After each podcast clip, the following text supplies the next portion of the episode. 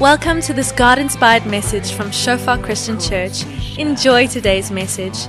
May you experience the presence of our Father and may you grow deeper in your relationship with Him.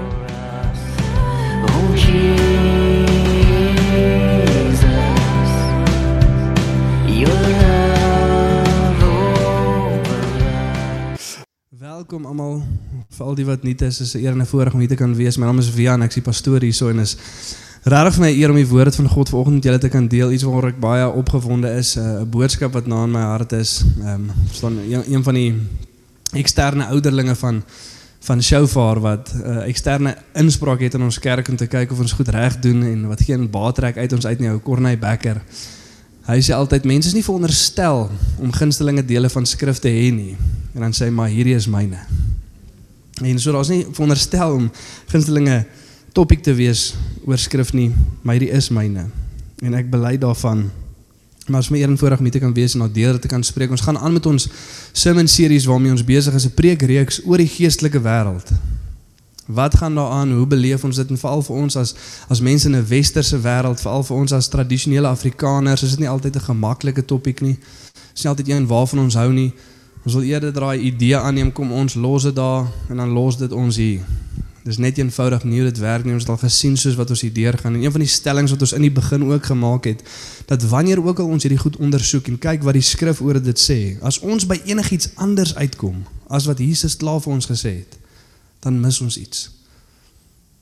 Dan is ons mislei. Dan is ons besig met goed waarmee ons nie moet besig wees nie. As dit nie kom by vergewe mekaar, wees lief vir mekaar, bid vir mekaar, gaan verkondig die evangelie aan die nasies nie. Hê liefde vir die woord.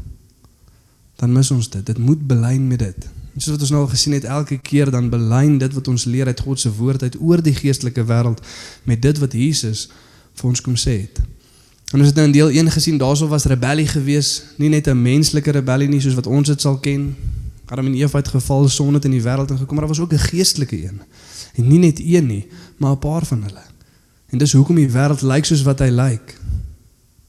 Maar Jesus het gekom om alles te verenig in hom en in sy kerk gestuur om die koninkryk te laat kom. Om die boodskap te gaan verkondig dat Jesus Christus red en in hom is daar lewe en in hom is autoriteit om te heers oor al die magte van die bose. En Renier het vir ons mooi kom preek oor gebed om waaksaam te wees in gebed. Haar het mooi vir ons kom preek om ons sondes te bely en om mense te vergewe. En ons lees dit ook in die skrif in 2 Korintiërs 2 in haar eerste stuk aan vertel Paulus vir die kerk, julle moet mekaar vergewe en hierdie spesifieke broer wat uit die kerk uitgesit was oor sonde wat nou weer teruggekom het. Moet julle vergewe.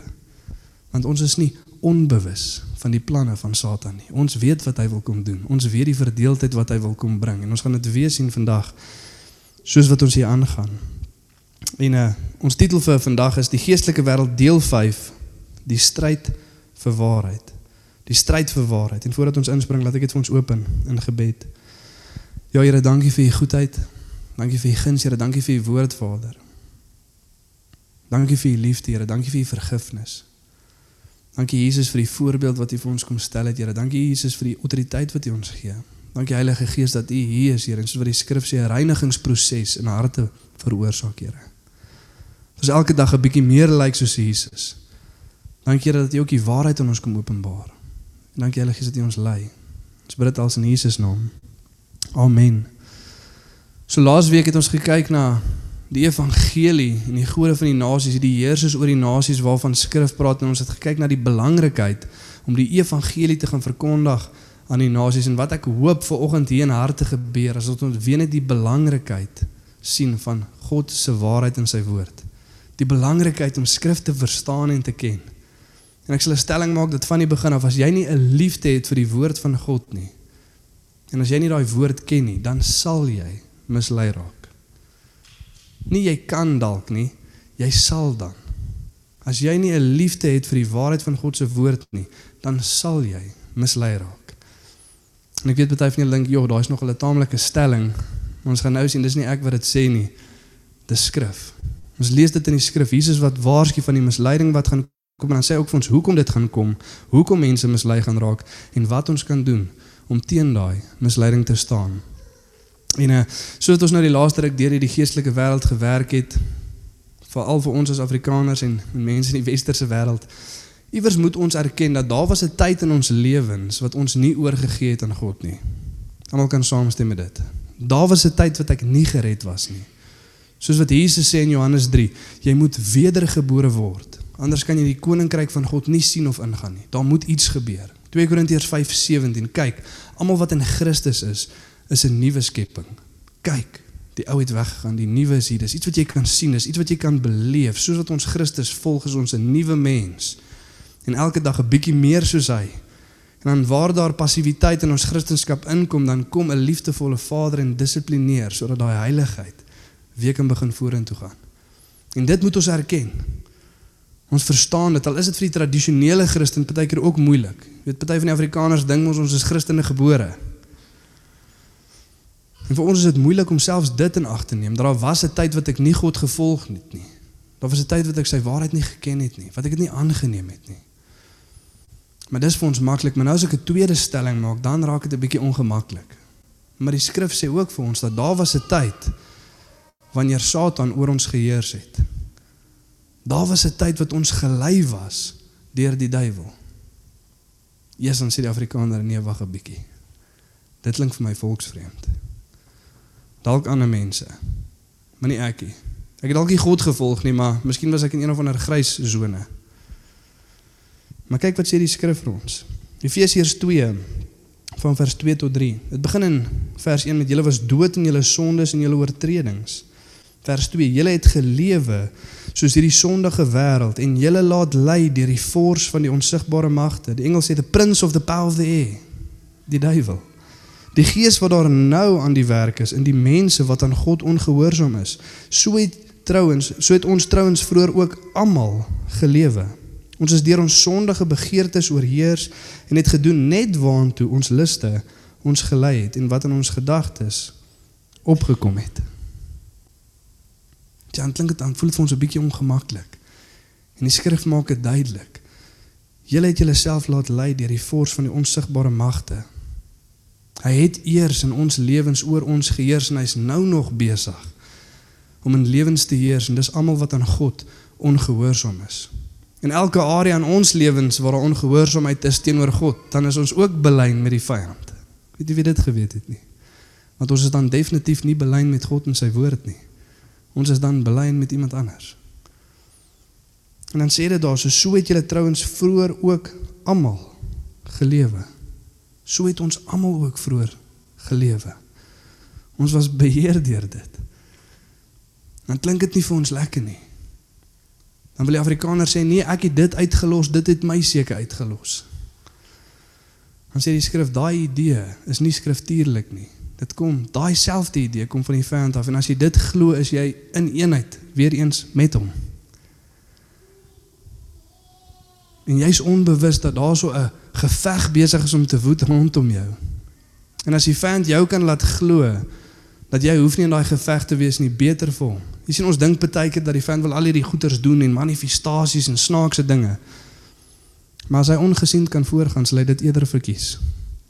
Om teen iemand te veg wat nie weet hy's daar nie. Ek weet nie of julle al hierdie video gesien van 'n game show dan ver, dan blinddoek hulle twee mense, sit hulle in 'n kamer en dan gee hulle vir elkeen 'n beld nie. Ek weet nie wie het al so 'n video gesien nie. Dan moet hulle mekaar traai raakslaan met hierdie beld. En dan soos wat hulle die twee wat geblinddoek is in die kamer sit met hulle bel, dan kom maar 'n vriend in, as ons hom 'n vriend kan noem. Hy het nie 'n blinddoek aan nie, maar hy het ook 'n beld. Kyk maar aan roer hy vir hulle.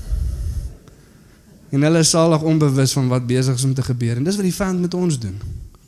Ons draai ander mense wat ook verblind is met belde slaan terwyl hy daarso is met sy beld, maar kyk hy kan sien.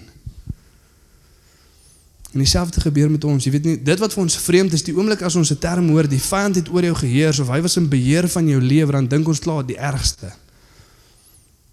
Jesus, was was ek dan weet besete gewees. Is daar kere in my lewe wat ek nie kan onthou wat gebeur het nie want 'n demoon of 'n ding het my oorgevat en sekere goed met my gedoen of laat ek sekere goed doen? Nee. Dis nie al hoe dit gebeur nie. Ja, dit gebeur ook. Maar dis nie al hoe dit gebeur nie. sien wat sê hierdie skrif? Wat beheer ons lewens? ons gedagtes. Hoe jy dink. Jou geloof, jou oortuigings. Wat jy doen is gegrond in wat jy glo. Die manier hoe jy lewe gebaseer op jou geloof en jou oortuigings. En as jou geloof en jou oortuigings en jou gedagtes nie belyn het met God se woord nie, maar jy het een of ander leuen van die vyand geglo, dan was jy deur hom beheer. Skrif sê ons is 'n slaaf van die een wat ons volg, die een wat ons gehoorsaam. Ons is 'n slaaf van daai een en as die vyand aan jou 'n idee verkoop en jy glo dit, dan heers hy oor jou. Wie dink jy is die skrywer van ateïsme? Who is the author of atheism? Die vyand. En selfs dit is jy besig om 'n ideologie aan te neem wat nie van God afkom nie, maar van die Vader van leuns. Jesus is besig om Johannes 8 te praat toe ek en Robin in Hermanus was 'n paar weke terug het ons bedien oor dieselfde stuk teks. Dan kom Jesus aan na ons twee verse wat vir ons jy weet half ons ons ons ken dit so half ons het al van hierdie twee verse gehoor die die waarheid sal jy weet en die waarheid sal jou vrymaak. En die een wat die seun vrymaak sal werklik vry wees. Johannes 8. Maar dan as Jesus dit vir die groep Jode sê, dan sê hulle nie, ja asseblief Here. Ons soek hierdie vryheid, kom maak ons vry nie. Hulle antwoord Jesus en sê, "Hoe kan jy sê dat ons sal vry wees? Ons was nog nooit slawe van enigiemand gewees nie." Onbewus van wat aangaan. Dan sê Jesus, "Die een wat aanhou sondig is 'n slaaf van die sonde." En as julle kinders van Abraham was en as julle kinders van God was, dan sê julle die werke van God gedoen het want julle idees sou belyn het met die waarheid van God se woord en dis hoekom julle sou lewe soos wat God van julle verwag. En dan sê Jesus net so by the way. Julle is kinders van julle vader, die duiwel. En julle is besig om sy wil uit te voer. Ek kan jy dink jy skok wat op gesigte is. Maar ek dink dan ek volg God, die God van die Bybel. Ek dink ek's besig om Jahweh te dien en hier kom Jesus, die seun van God en sê nee. En dan sê Jesus vir hulle, dis hoekom julle my woorde nie hoor nie. Julle wil die waarheid van God se woord nie aanvaar nie. Want julle is besig om 'n leuen te glo en dit is besig om oor julle te heers. Jy sien elke ding wat nie belyn met die waarheid van God se woord nie, vind sy oorsprong in die vader van leuns, soos wat Jesus daar sê in Johannes 8. As die duiwel lieg, dan praat hy uit sy karakter uit want ons geen waarheid in hom nie, maar hy is die vader van leuns. En die eerste plek van hom sal wees soos wat ons laasweek gesê het is om ander gode ander entiteite wat oor onder sy beheer is van ander nasies te aanbid. Hierdie afgodsdienstry wat ons sien om ons. Nie net 'n verkeerde idee nie, maar regte entiteit wat agter daai idee staan. Ek weet nie of julle al ooit gewonder het hoekom as Moses en Aaron in die beloofde land ingaan, hulle gaan na Farao toe na Egipte toe net voor dit. En hulle gooi die staf voor Farao neer en dit word 'n slang. Ek weet nie of ken julle daai storie nie. En die staf word 'n slang en Farao sê nee. Ek roep my wyse manne, ek roep my my towenaars en hulle kom gooi hulle stawwe neer en dit word ook slange. So, wat gaan hier aan? Dis nie net 'n valse idee nie, maar daar's 'n realiteit en entiteit agter hierdie snaakse idee. Maar Aaron se staf eet die ander op. Hoekom? Want God die Allerhoogste heers. En as hulle die water verander in bloed, dan gaan die towenaars van Egipte en verander ook water in bloed. En as hulle seer op mense se lywe laat kom, dan laat die towenaars dit ook gebeur. Hoekom? van ons regte entiteit agter die valse idee wat hulle glo. Dis nie net 'n verkeerde idee nie, maar daar's entiteite agter daai idees en hulle is in rebellie teenoor God. En vir die duiwel sal dit eerste plek wees om hierdie ander gode, hierdie ander idees te aanbid en te volg. Maar as hy dit nie kan regkry nie, prys 2 ateïsme, dan ten minste geen iemand aanbid nie. As jy nie man bid, wil ek ook jy moet God aanbid nie. Maar dan derdes en dit waarop ons gaan fokus vandag hoe hy die gelowige mislei. Die een wat klaar sê nee, maar ons wil ons wil God volg, ons wil Jesus ken. Ons wil agter hom aangaan. Hoe verlei ons? En dis deur die waarheid van God se woord te verdraai. Ons lees in 2 Korintiërs 11 vers 1 tot 4 die volgende. Paulus wat skryf sê nou wil ek hê julle moet 'n bietjie dwaasheid van my kant verdra. Ja, verdra my maar. Ek waak oor julle met 'n ywer wat van God kom. Want julle is soos 'n jong meisie wat ek aan een man toegesê het as sy bruid en wat ek vlekkeloos na hom toe wil bring. Die man is Christus. Maar ek is bang dat julle gedagtes weggelei sal word van die onverdeelde en suiwere toewyding aan Christus. Net soos Eva verlei is deur die lustigheid van die slang, as iemand 'n ander Jesus kom verkondig as wat ons verkondig het of 'n ander gees of 'n ander evangelie aanvaar as die wat julle van ons ontvang het, is julle so maklik tevrede daarmee? Wat sê Paulus, wat gaan gebeur? Hoekom wat sal weggelei word? Ons gedagtes. Die manier hoe ons dink. Ons geloofs-oortuigings, dit gaan weggelei word waarvan? Van 'n onverdeelde en suiwere toewyding aan Christus. Jy sien baie keer dink ons dit wat ons toewyding steel van God af, dit is 'n goeie ding man. Dis nie regtig 'n bose ding die nie. Maar enigiets wat ons toewyding steel, enigiets wat ons toewyding nie suiwer maak aan Christus nie, kom van die vyand af. En dan sê dit, hoe gaan dit gebeur? Iemand gaan 'n ander Jesus kom verkondig. Iemand gaan 'n ander gees of 'n ander evangelie. En dan is die probleem, jy is so maklik tevrede daarmee. Hoekom? Want ons het nog steeds 'n sondige natuur binne in ons. Die skrif sê vir ons, Romeine 8, Galasiërs 5, dat as ons deur die gees die werke van die vlees doodmaak, dan sal ons lewe. Maar ons moet besef, soos wat die vyand leuns al ons wil kom verkondig, is daar 'n deel aan my wat aanklank vind met daai leuns en dit graag wil uitvoer. Die sondige mens binne my, maar as ek deur die gees, die gees van waarheid, heers oor daai, dan sal ek werklik lewe. En ons sien dit vandag. En hierso is waar ons onderskeiding moet hê. Want ons luister na hierdie mense wat ander Jesus verkondig, 'n ander evangelie verkondig, 'n ander gees verkondig. Doen dit self voor as die kerk van Christus. En ons gaan nou daarby kom. Om 'n voorbeeld vir julle te gee. Ek weet nie of julle dit al gehoor het nie. My Jesus sal niemand hel toe stuur nie. My Jesus is 'n God van liefde. Wie het dit al gehoor? Daai is 'n ander Jesus. En soos John MacArthur sê, ja, jy's reg. Jou Jesus sal niemand hel toe stuur nie want jou Jesus kan nie want daai Jesus bestaan nie. Dis 'n verdraaiing van skrif. Maar skrif sê vir ons in Handelinge 18 soos wat Paulus besig was om met die mense te praat, Handelinge 17 dat die tyd van ongehoorsaamheid het God oorgekyk, maar nou beveel hy dat elke mens oral bekeer, want hy het 'n dag bestem dat hy die wêreld in geregtigheid sal oordeel deur 'n man en daarvan het hy sekerheid gegee deur hom uit die dood uit op te wek. Oordeel sal kom. En as ons nie Jesus Christus aanvaar nie, dan is daai realiteit. Maar daai idee van God is 'n verdraaiing van skrif. Dis nie die Jesus wat ons ken nie. En ja, ons ken Jesus wat sagmoedig is en wat kom om sy lewe neer te lê. Maar Openbaring 19 sê as hy weer kom, dan lyk hy bietjie anders. En hy sit op 'n perd, geklee in wit. En die magte van die hemel kom agter hom aan en sy oë soos vuur. En hy het 'n kleed aan wat in bloed gedoop is. En hy het 'n swaard wat uit sy mond uitkom waarmee hy die nasies gaan stik en slaan. En hy sal met die wraak van God oordeel oor hierdie wêreld. As Jesus terugkom, dis 'n realiteit.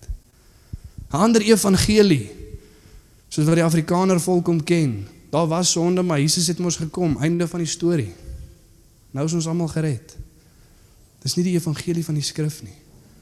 Maar ons sê ja, Jesus het kom sterf vir sonde, maar as jy nie jou lewe neerlê, jou kruis optel en Jesus volg nie, dan het jy geen deel in hom nie. Dan is jy nie waardig om my disipel genoem te word nie. Ander gees, mense wat sê nee, ek word deur die gees van God gelei. Ek hou nie so baie van lees nie. Ek hou nie regtig so baie van die Bybel bestudeer nie, maar gelukkig lei die gees van God my, so die die woord is nie so nodig nie. Maar die skrif sê vir ons dat die gees is die gees van waarheid. In Johannes 16. En wanneer die gees van waarheid kom, sal hy julle in alle waarheid inlei. Soos die gees van God jou nie na die woord van God toe lei nie. Dan weet ek nie wat se gees jy volg nie, maar dis nie die Heilige Gees van God, die gees van waarheid wat jou na waarheid toe sal lei nie. En dis hier waar ons onderskeiding kort. Sê dit sê daar iemand, as iemand kom en 'n ander Jesus, 'n ander evangelie, 'n ander gees verkondig. 1 Timoteus 4 vers 1 dan sê Paulus Die Gees sê uitdruklik in die laagste dae sal mense van die geloof afvallig raak. En hulle sal dwaalleer aanvaar, dwaalleer van bose geeste en van demone. Ons sê hierdie mense is skyn heilig en hulle gewete is toegeskroei. So sê dis die mense wat dit kom verkondig, maar hulle sê daar's 'n entiteit agter daai mense wat kom. Daar's 'n bose gees en sy leerstellings is hy besig om na te volg. Kyk wat sê Paulus later in hierdie selfde hoofstuk, 2 Korintiërs 11 vers 13 tot 15 en sê hy wie is hierdie iemand wat kom? Want sulke mense is vals apostels. Hulle is bedrieglike werkers wat voorgee dat hulle apostels van Christus is. Geen wonder nie, Satan self gee immers voor dat hy 'n engel van die lig is. Wat sê die Mormons, die Jehovah Witnesses, wie dan hulle die nuwe openbaring van die evangelie verkondig? Hierdie engel van lig bo op 'n berg. Wat sê skrif? Daai Satan. Paulus sê in Romeine 1 dat selfs as ons of 'n engel aan julle ander evangelie verkondig, laat hy vervloek wees. Maar die misleiding sal kom. Satan self gee immers voor dat hy 'n engel van die lig is. Daarom is dit ook niks besonders dat sy diensknegte hulle voordoen as dienaars van geregtigheid nie. Hulle uiteinde sal wees wat hulle volgens hulle dade verdien. Jy sien hier's waar die stryd vir waarheid bietjie ernstig raak. Skrif sê vir ons as gelowiges as ons volwasse raak dan word ons verwasse in ons onderskeidingsvermoë. Dat ons mag weet wat die wil van God is en wat nie die wil van God is nie. Jy sien wat wat baie makliker sou gewees het as die duiwel na jou toe gekom het en gesê het: "Hallo, ek sien duiwel. Jesus het gekom om vir jou lewe, lewe in oorvloed te gee. Ek het gekom om te steel, verwoes en dood te maak en ek wil gou vir jou 'n storie vertel. Het jy 5 minute?" Dan sou ons gesê: "Nee, dankie." ek is okay. Of as iemand kom, hallo, ek is hier so die duiwel het my gestuur, hy heers oor my. En party van die mense weet nie eens dat hier is hierdie gees wat boor hulle heers en is nie die gees van God nie, want hulle het self die misleiding ervaar. En sê ons weet dat dis wat God se woord sê, ons weet dat dis sy waarheid. Ons weet dat dit is wat God van jou verwag. Maar kom ons vertel jou gou 'n ander storie. Wil jy nie eerder hierdie glo nie? Dis nie hoe dit werk nie.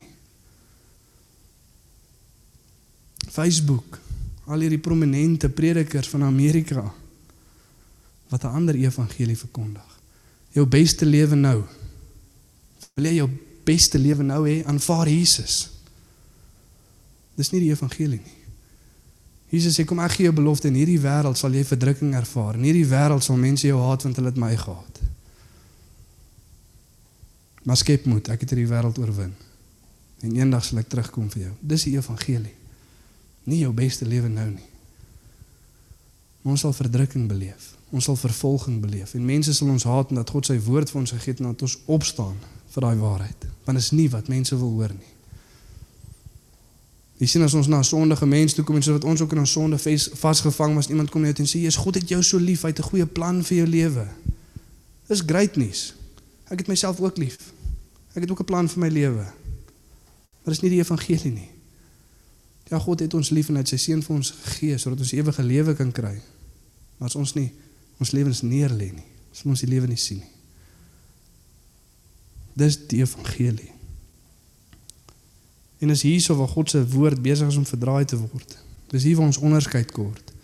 Soos wat die duiwel ook in Genesis 2 na Eva toe kom. Begin rustig, het God regtig gesê? Het God regtig gesê hulle kan van geen van die bome eet nie? Nee, ons kan van al die bome eet, net van daai boom kan ons nie eet nie. Nee man, julle sal sekerlik nie sterf nie. Klink dit bekend? Het God regtig gesê? Sal God regtig? Is dit regtig wat skrif sê? Ja, dit is. In Kolossense 2 vers 23 dan sê dit vir ons die die moeilikheid is met hierdie valse leerstellings. Dan sê dit dit het inderdaad 'n skyn van wysheid. Dit lyk of dit sin maak. Hierdie valse leerstellings het 'n skyn van wysheid. Miskien ja. Miskien is dit so. Dit klink vir my min of meer reg.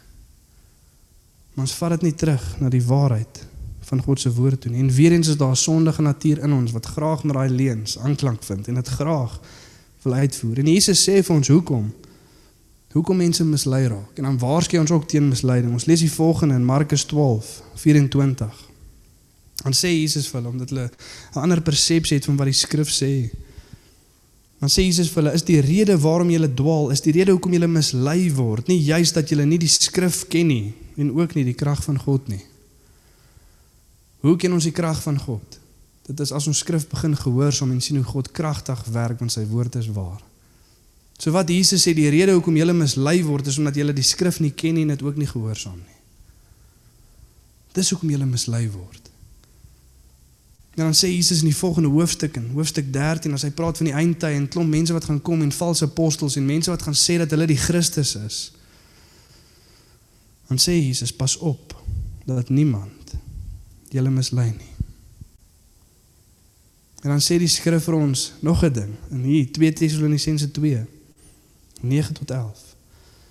Dan lees ons deur die werking van die Satan sal die verskyning van die wettelose gepaard gaan met groot mags vertoon en allerlei vals tekens en wonders en met gruwelike misleiding van die wat verlore gaan omdat hulle nie die waarheid liefgehad het en tot hulle redding aanvaar het nie. Dit is ook waarom God hulle aan die mag van die dwalling oorgee sodat hulle die leuen sal glo omdat hulle nie die waarheid liefgehad het en tot hulle redding aanvaar het nie. Hoekom gaan mense verlore deur die misleiding? Omdat hulle nie die waarheid liefgehad het en tot hulle redding aanvaar het nie. Die engel sê because they refuse to love the truth and so be saved. En dis hoekom ek in die begin gesê het as jy nie die waarheid van God se woord liefhet nie, dan sal jy mislei word. Hoekom? Want God homself sal jou oorgee aan daai misleiding. En dan klink dit vir ons vreeslik, maar hoe kan die Here dit doen? Hoe's dit 'n God van liefde wat hier werk? Wat mense oorgee aan daai misleiding.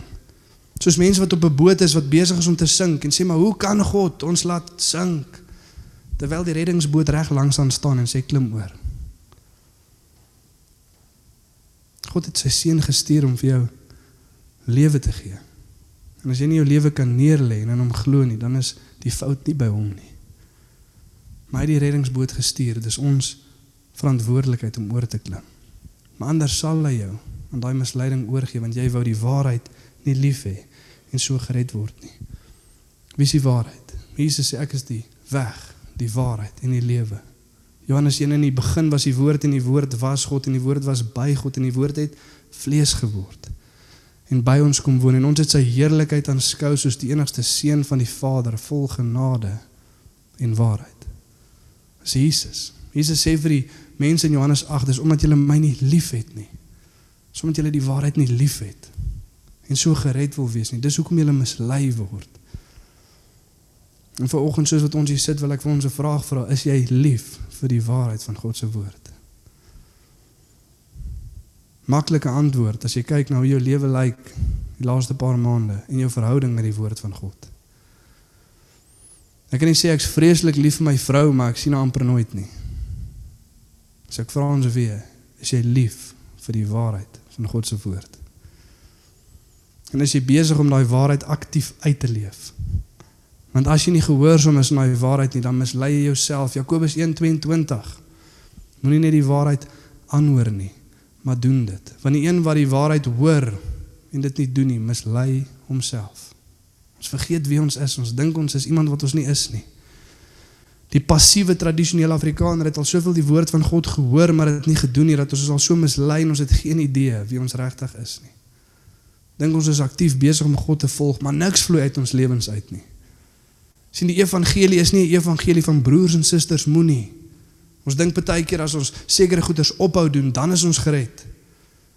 Maar Jesus gaan nie na die disippels toe en sê hou op iets doen nie, hy sê volg my as ons nie volg in gehoorsaamheid nie dan help dit niks om aktief gehoorsaam te wees aan die woord van God. Jesus te volg met alles in ons. Maar dan kom hy leens in.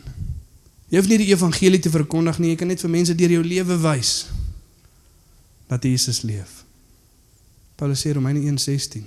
Ek skaam my nie vir die evangelie nie, want dit is die krag van God tot redding vir elkeen wat glo. Eers vir die Jood, maar ook vir die Griek want in dit is die geregtigheid van God geopenbaar. Maar ons moet die evangelie gaan verkondig aan die nasies.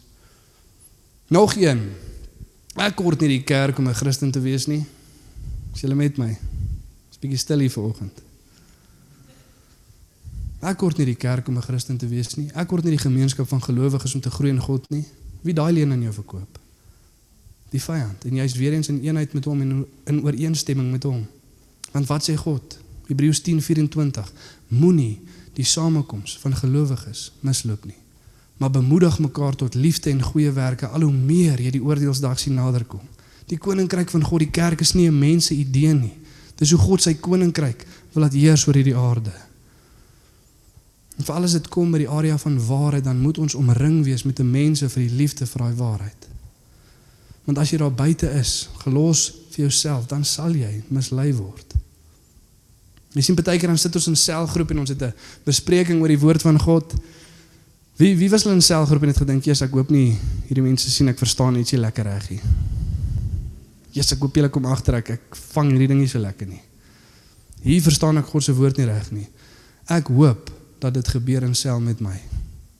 Ek hoop dat ek is geomring met mense met 'n liefde vir God se woord. En daar kan ek vir hulle sê ek verstaan ietsie lekker nie. Ek verstaan ietsie reg nie sodat hulle my kan help en dat my oortuiging kan buig en belyn met die woord van God. Sien as ons gesprekke het en sel dan wil ons hê ons moet sien waar ons goed verkeerd verstaan sodat ons dit kan reg verstaan en belyn met God se woord. Maar nou wil ons buite kan die kerk lewe want ons dink ons kan dit op ons eie doen. En nie net is dit 'n leen van die vyand af nie, het jy ook geweet dat dit is die strengste dissipline wat deur die kerk op 'n individu toegepas word. Matteus 18. Jesus sê as jou broer gesondig het, gaan na hom toe. As hy nie wil bekeer nie, gaan met nog 'n paar mense. As hy dan nog steeds nie wil bekeer nie, vat die kerkraad saam en as hy dan nog steeds nie wil bekeer nie, laat hom vir jou wees soos 'n heiden en 'n tekskletter. Sit hom buitekant die gemeenskap van gelowiges. Dis die ergste ding wat jy met 'n Christen kan doen, om afsny van die gemeenskap af. En party mense lewe daar vrywilliglik. Wat maak jy? Paulus sê in 1 Timoteus 1 vers 20 dat hy twee mense oorgehandig aan Satan. Hy het hy, hy het hulle buitekant die gemeenskap van gelowiges gesit. Hulle is nie beskerm met die mense wat 'n liefde vir die waarheid het wat mekaar be, bemoedig tot liefde en goeie werke nie. Maar hy's nou daar buite, daar waar misleiding heers. Moenie daar lewe nie. Nie 'n goeie plek om te wees nie. Maar dan sê die skrif vir ons dat ons het wapens vir die stryd wat ons veg teen misleiding. Ons lees in 2 Korintiërs 10 vers 3 tot 5 die volgende. Want hoewel ons die in die vlees wandel, voer ons die stryd nie volgens die vlees nie, want die wapens van ons stryd is nie vleeslik nie, maar kragtig deur God om vestings neer te werp terwyl ons planne verbreek en elke skans wat opgerig word teen wat teen die kennis van God en elke gedagte gevange neem tot die gehoorsaamheid aan Christus. Die vyand wil kom in idees en gedagtes opwerp teen die kennis van God en ons as gelowiges is geroep om daai gedagte gevange te neem en dit gehoorsaam te maak aan Christus. Hoe gaan jy dit doen as jy die woord van God nie ken nie? Hoe gaan jy 'n gedagte wat van die vyand af inkom in gehoorsaamheid bring tot die woord van God as jy die woord van God nie ken nie? Dis hoekom dit belangrik is vir ons om 'n liefde te hê vir die woord van God en om homself te omring deur mense met 'n liefde vir die woord van God. Dit is die wapens van ons stryd. En is hierso waar ons as gelowiges wat ook al verkeerde idees en gedagtes ons het en elke versoeking wat die vyand bring en ons dit ervaar hier is waar ons moet bekeer en bely. Hoekom? Want Kolossense 2:15 sê vir ons dat deur die kruis het Jesus die owerhede, die magte, die heersers geontwapen. Hy het die wapens by die vyand weggevat. Nou hoe is dit dan? Dat daar nog steeds baie keer 'n hou vas op ons lewens is. Hoe is dit dan nog steeds dat ons baie keer 'n verkeerde idee het? Hoekom? Want jy het vrywilliglik daai leuen geglo. Sien die vyand kan jou nie maak iets glo nie. Maar hy kan jou versoek met 'n gedagte, maar jy moet dit vrywilliglik vat. En as gelowiges moet ons dan erken dat elke verkeerde idee wat ek het, het ek vrywilliglik gevat by die vyand. En daarvan moet ek bekeer en bely sodat God my kan kom vrymaak. Want ek het dit geglo. Ek het gekies om dit in te bring. Maar hy het geen krag oor my nie behalwe die krag wat ek vir hom gee. En dit alles is 'n geveg tussen leuns en waarheid. Ek eindig vir ons af met die volgende stuk Johannes 8:31 tot 32. Jesus wat met die Jode gesels en Jesus sê vir die Jode wat in hom geglo het: As julle in my woord bly, is julle waarlik my disippels en julle sal die waarheid ken en die waarheid sal julle vrymaak. Jy sien in die wêreld daar buite dan is daar hierdie gesegde. Ek het ou so 2 weke terug sit en praat ek met 'n oom, ons is besig om te eet.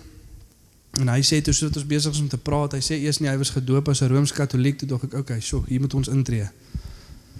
Net so by the way, Rooms-Katoliek, dit is nie Christendom nie, dit bely nie met God se woord nie. Dit is nie van God of is nie die waarheid nie. As jy enige vrae het, dit jy kan my kom gesels na die tyd. Maar dis uit lynheid met die woord van God. Dis nie wat God vir ons sê om te doen nie. En toe dog ek eers, okay, hier moet ons help, maar toe verwikkel dit 'n bietjie. Toe sê hy nee, hy's nie meer Rooms-Katoliek nie, hy's nou ateïs. Hy glo aan niks.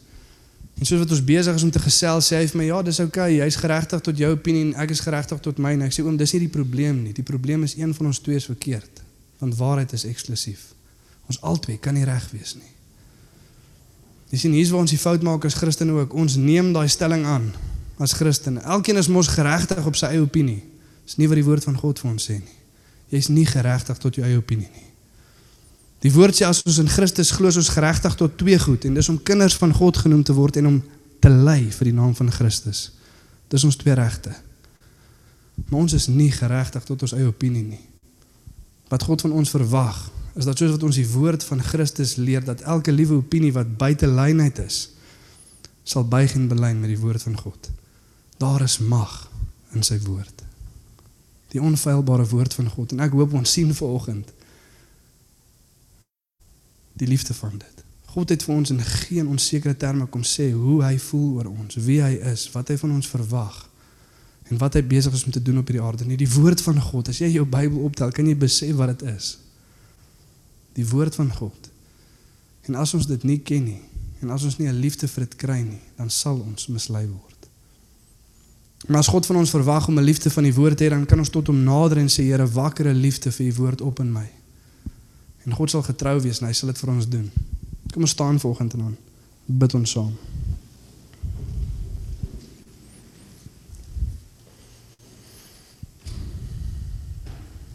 Ja Here, dankie vir u goedheid Vader, dankie vir u woord. Dankie Jesus, u is die woord van God wat vlees geword het en by ons kom woon het.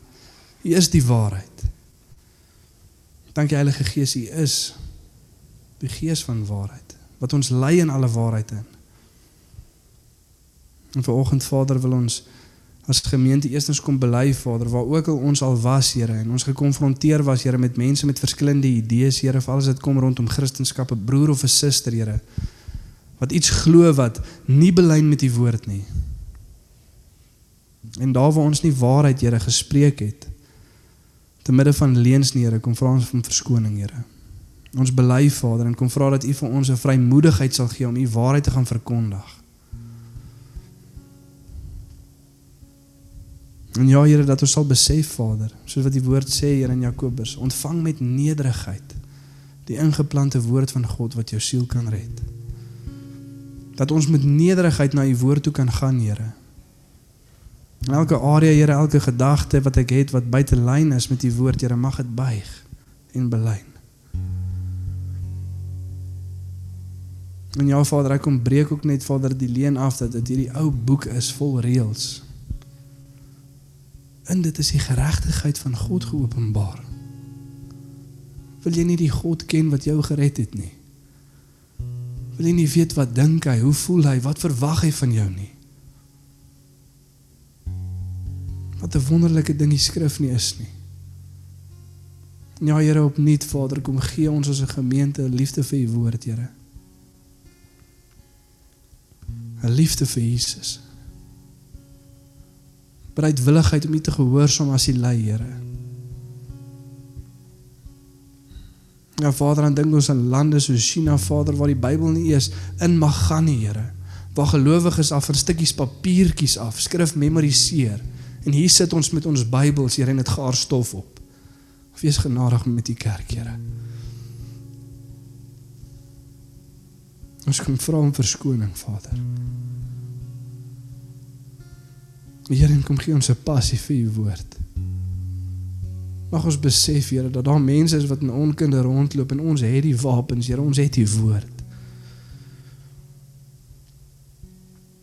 Soos wat Paulus sê in Efesiërs 6:17, neem die helm van verlossing en die swaard van die Gees, dit is die woord van God. Bid gedurend in die Gees en wees so waaksaam. Ja, maar Here, ons is baie keer so mislei, Here, net omdat ons eenvoudig die woord nie ken nie. Die antwoord lê daar in 'n boekrak by die huis, Here. Dankie vir u goedheid, Vader. En dankie dat u ons lei deur dit, Vader. Dit voel baie keer so overwhelming. Waar begin mens? Hierdie boek is groot, daar's baie goed. Maar dankie dat u lei, Here. En dankie dat u ons omring met mense wat 'n liefde het vir u woord, Here. Vader, ek kom bid vir nederigheid as ons mekaar aanspreek oor die verkeerde idees wat ons het, Here. En mag ons in nederigheid, Here, die waarheid ontvang. Daar waar jy is is as jou hart klop en jy weet jy moet God vra vir 'n liefde vir sy woord. Nie daar waar jy is, wil nie jou stem oplig na God toe. Vir die Here kom vra om vir jou 'n liefde te gee vir sy woord nie. Vir die Here te te vra Here vergewe my oor my verhouding met u woord, Here. Dat ek net iets wil weet as dit vir my belangrik is, maar dit was nog altyd vir u belangrik. Onsself bekeer dat ons nie deur die woord onsself toerus vir elke goeie werk waarvoor God ons roep nie. Here waar jy is, wil nie jou stem oplig na God toe nie.